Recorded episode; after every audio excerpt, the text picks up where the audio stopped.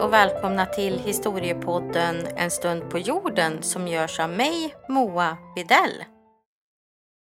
Dagens avsnitt kommer att se lite annorlunda ut och vi ska ägna det åt frågor och svar. Men för att göra det lite roligare så har jag bjudit in min man Johan för att ställa frågorna. Hej Johan! Hej hej! Känns det bra att sitta här i studion med mig? Absolut, det här ska bli roligt. Ja men vad bra, då tycker jag att vi kör igång.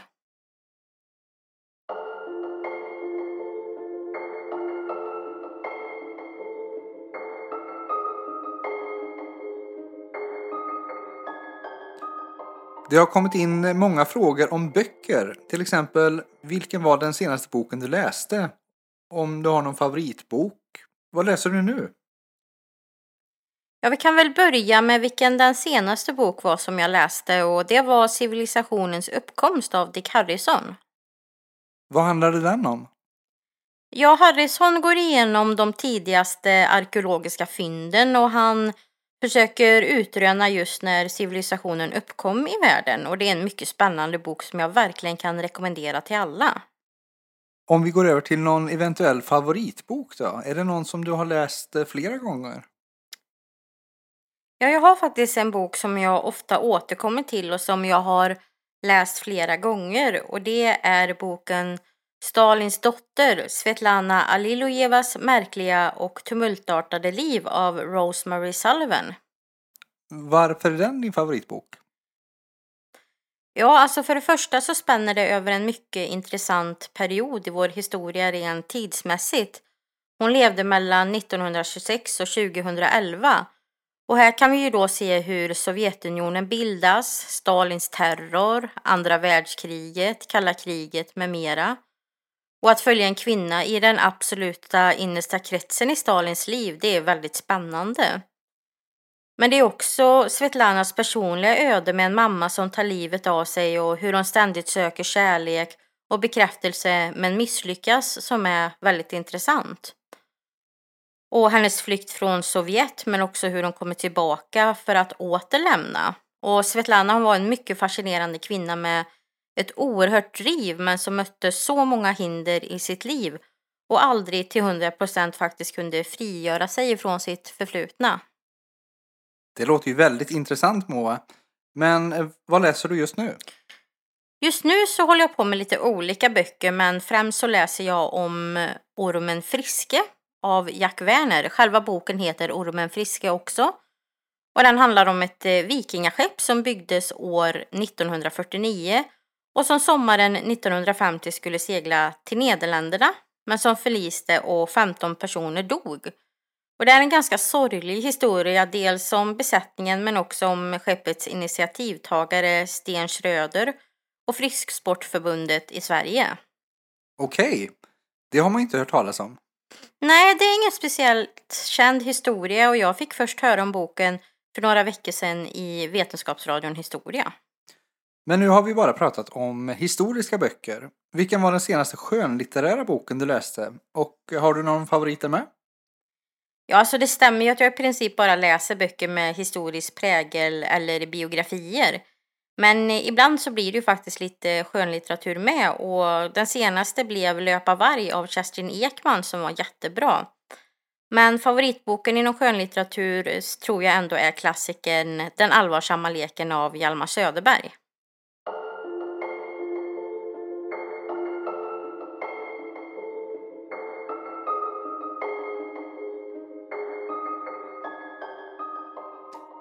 Då går vi vidare från eh, böckerna. Vilken historisk person är du mest fascinerad av? Oj, ehm, det finns så många och det kan också gå i perioder. Som barn så var jag väldigt intresserad och fascinerad av Gustav II Adolf men sen dess har jag ju hunnit bekanta mig med flera väldigt intressanta personligheter.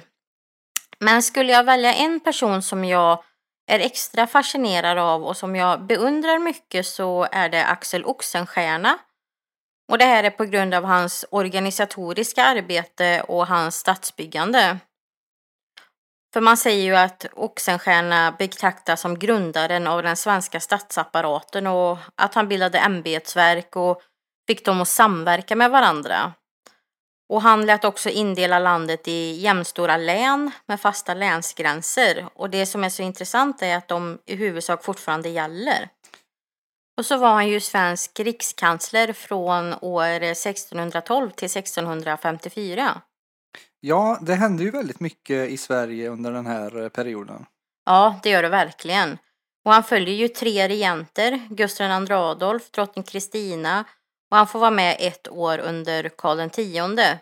Och under Gustav II Adolfs tid så inleds ju Sveriges deltagande i 30-åriga kriget och vi går verkligen mot en stormakt. Och när han dör och drottning Kristina får efterträda så är ju inte hon myndig. Vilket eh, betyder att Axel i princip fick hela makten och han följer också hennes abdikation. Och sen då när Karl X tillträder så är ju Sverige större än någonsin och Oxenstierna måste ju arbeta oerhört hårt för att administrera alla nya områden. Och Oxenstierna går ju i pension i och med sin död år 1654 och det är ju som jag sa samma år som Karl X tar över makten. Men för övrigt så kan man ju också nämna att Axel Oxenstierna grundade år 1636 det svenska postverket och i samband med dess 300-årsjubileum 1936 så blev han den första icke-kungliga svensken som avbildades på ett frimärke. Och det är också intressant att nämna att han blev rikets första ej kungliga person som fick sitt porträtt präglat på ett mynt år 1632. Det låter ju minst sagt som en fascinerande person, Moa. Men vi kan ta nästa fråga. Vilket århundrade hade du velat besöka och varför? Ja, många tror nog att jag skulle välja något mellan 15 och 1800-talet, men jag skulle faktiskt välja att åka till Egypten på cirka 2000-talet före Kristus. Jag kan inte säga något exakt århundrade här då det är svårt att ange precisa händelser, men det jag är mest nyfiken på är hur högkulturerna fungerade och rent praktiskt och med gudsdyrkan, hur man byggde staten och framförallt de teknologiska framstegen som gjordes i och med pyramidbyggen och keramik och skulpturer, statyer, textil med mera. Och se hur handeln fungerade med olika länder etc. För att det som jag läst om den här tiden visar på att landet var väldigt långt fram i utvecklingen på flera sätt och jag är väldigt nyfiken på hur man gjorde och varför. Och det verkar vara en jättespännande tid. Men eh, med reservation så måste jag ju ändå påpeka att jag skulle vilja leva i de övre skikten och helst vara en man. För kvinnans ställning var ju inte så bra på den här tiden och det fanns ju väldigt många slavar i riket. Ja, det var kanske ett litet oväntat svar, men absolut intressant. Men vi kör på en fråga till. Tre personer som du skulle bjuda in på en så kallad fantasy dinner. Oj, bara tre stycken? Ja. Ja, men jag skulle nog såklart välja Coco Chanel som är en av de mest spännande kvinnor som jag känner till. Och jag skulle vilja ta del av hennes framåtanda och aldrig sinande kraft att arbeta trots motgångar såväl i tiden som personligt. Och var, var liksom, varifrån kom hennes styrka? Vilken är den eh, andra personen du skulle bjuda in? Ja, den andra personen är nog ändå barndomsidolen Gustav II Adolf, och, för jag har ju läst så mycket om honom och vad han har gjort, men jag skulle ju veta, vilja veta mer om honom, hur han var som person. Och han var också en väldigt driven människa som jag fascineras av. Sen kan man ju inte undgå att han levde under en mycket spännande tid i Sveriges historia, så det skulle vara intressant att ställa lite frågor till honom. Absolut. Och vem är då den tredje personen, Moa? Till sist skulle jag nog välja Winston Churchill. För han levde också under en mycket intressant tidsperiod då världen verkligen förändrades. Och han föddes in i den engelska eliten då det brittiska imperiet till exempel var på sin höjd. Och under hans liv fick han se hur imperiet minskade. Han fick eh, följa med på demokratins genomslagskraft. Han var med under två världskrig. Han fick vara med om adelns minskade makt och inhemska kriser och personliga förluster. Och eh, Churchill mötte också flera motgångar i sin karriär men han tappade aldrig sin övertygelse eller sin drivkraft. Och dessutom så var han bekant med Coco Chanel så han kan ju få henne som bordsdam. Ja, det låter ju som en väldigt intressant fantasy Dinnemoa. Den skulle man ju absolut vilja gå på. Nu kommer lite snabba frågor. Okej. Hur gammal är du? 35 år. Vilken är din favorithögtid? Midsommar. Vilka fem saker vill du inte vara utan i ditt eh, skafferi eller kyl? Oj, eh, mjölk, kalvfond, bröd, smör och choklad såklart. Okej. Vilket var ditt bästa ämne i skolan? Ja, det uppenbara är ju historia, eh, samhällskunskap, religionskunskap och musik. Är du en morgon eller kvällsmänniska? Ja, jag är en väldigt kvälls och nattmänniska. Eh, vilket är ditt drömresemål? Jag skulle jättegärna vilja åka till Sankt Petersburg och se alla deras historiska byggnader, men framförallt Vinterpalatset. Sen skulle jag gärna vilja åka till Amalfikusten i Italien. Vad ser du helst på TV? Ja, till ditt förtret kanske så älskar jag ju att se på dokumentärer och speciellt historiska dokumentärer. Men annars så tycker jag mycket om att titta på veterinär och djurprogram. Nämn tre saker man kanske inte visste just om dig. Oj, ehm, jag kan nämna de flesta Saab-modellerna. Ehm, jag kan spela klarinett och eh, jag har aldrig varit på GKs i Ullared. Och eh, slutligen, eh, vad är din favoritmat? Det här var lätt. Fisksoppa.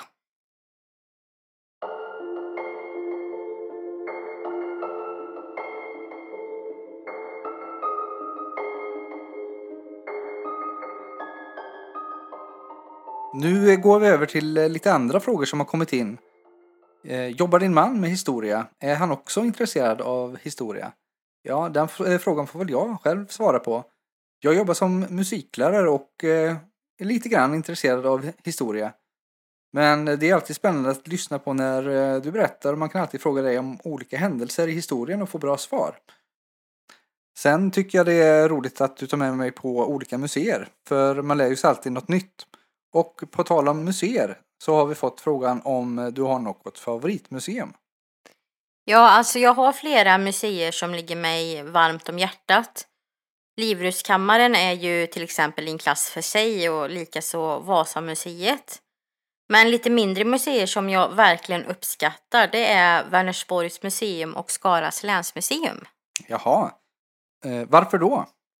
Alltså museet i Vänersborg har så mycket olika saker att se på och det finns allt ifrån egyptiska sarkofager till uppstoppade djur. Och det är ett väldigt mysigt museum. Och de skriver faktiskt så här på sin hemsida. Välkommen till Sveriges äldsta museimiljö, ett British Museum i miniatyr. Här kan du följa spåren av 1800-talets upptäcktsresande bland annat egyptiska sarkofager, afrikanska fåglar, kinesiskt porslin, konst ifrån Europa, nordiska djur och mineraler. Välkomna att kliva in i 1800-talets museimiljö. Vänersborgs museum uppfördes år 1885 och är landets äldsta för ändamålet bevarade museimiljö. I detta museum tar man klivet rakt in i 1800-talets idévärld där de mest exotiska samlingar hemfärda från äventyrliga upptäcktsresande från världens alla hörn samsas om utrymmet i montrar och salar. Skara då? Ja, här är jag nog lite partisk, men eh, Skaras länsmuseum, det är verkligen fantastiskt. Och de har flera grundutställningar, bland annat en om bronsåldern. Och man har utställning med flertalet unika bronssköldar som hittades på 1980-talet i Skaraborg. Och detta är världsunika fynd som ställs ut. Sen så kommer det ju också flera utställningar varje år som är allt ifrån mode till politik och konsumtion. Och de har också ett gigantiskt magasin som man brukar få gå runt i faktiskt en gång per år. Och det här är ju en helt fantastisk upplevelse att se föremål som vapen och äppelskalare och möbler och instrument med mera från historien. Och jag skulle nog faktiskt gärna bo där nere till och med. Och sen så får vi ju faktiskt inte glömma Friluftsmuseet som ligger bredvid fornbyn.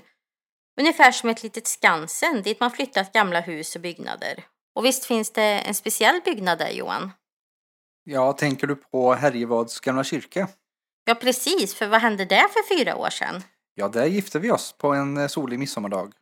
Ja, och visst passar det perfekt för en historiker att gifta sig i en fin kyrka från 1600-talet. Absolut.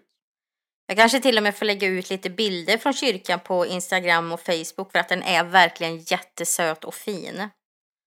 Men just det, nu höll jag ju på att glömma ett av mina favoritmuseer som är Rörska museet i Göteborg.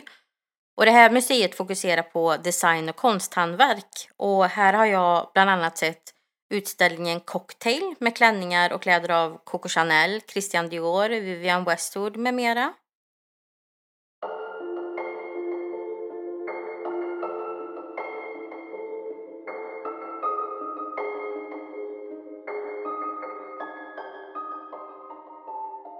Då har vi fått en fråga om eh, vilket källmaterial som du använder dig av när du skriver manus till dina avsnitt.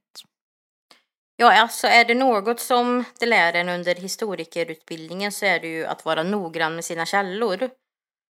Så jag undviker ju populärhistoriska källor och använder mig främst av forskning, till exempel doktorsavhandlingar och läroböcker som jag har ett ton av efter min utbildning. Men om jag använder mig av till exempel tidningsartiklar och liknande så är jag väldigt noga med att se vem som har skrivit dem och i vilket syfte, i vilken tidskrift det är publicerat och så vidare. Ja, det gäller ju att ha koll på sina källor. Eh, nästa fråga. Har du någon favoritkvinna i den svenska historien? Ja, drottning Kristina har ju alltid varit en stark förebild med hennes personliga resa och hennes val att gå sin egen väg.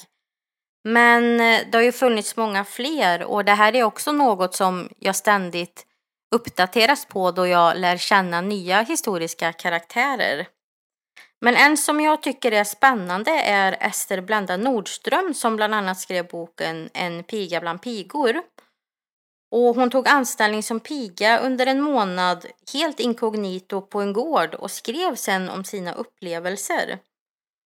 Och hon använder eh, de andra arbetarnas språk när hon skrev vilket gjorde att hennes rapportering blev mer levande.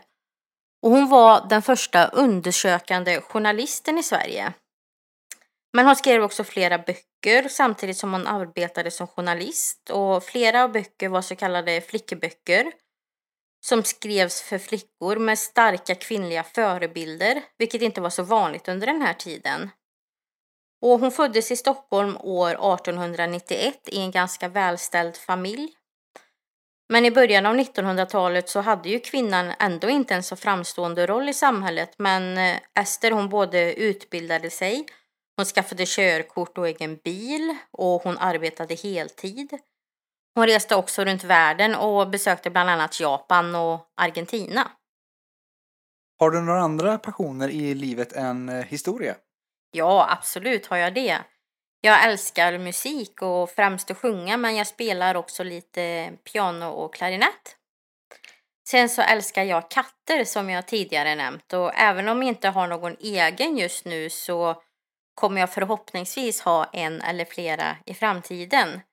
Och jag brinner verkligen för utsatta katter och hoppas i framtiden att kunna ha det som en sorts bisysselsättning att hjälpa så många som möjligt.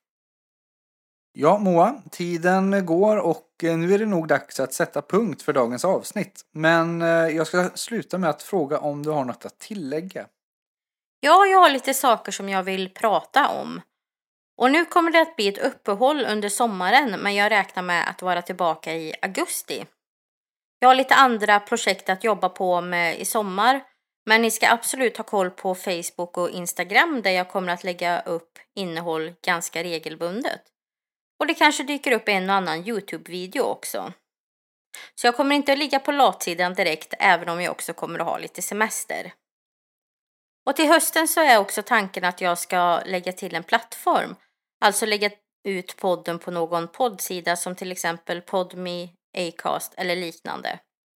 Men till sist så vill jag tacka alla som lyssnat i vår.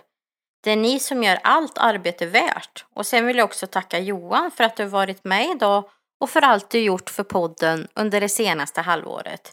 Visst har det varit trevligt? Det har varit mycket trevligt Moa. Och nu önskar jag er alla en fin sommar och jag hoppas att vi ses och hörs snart igen.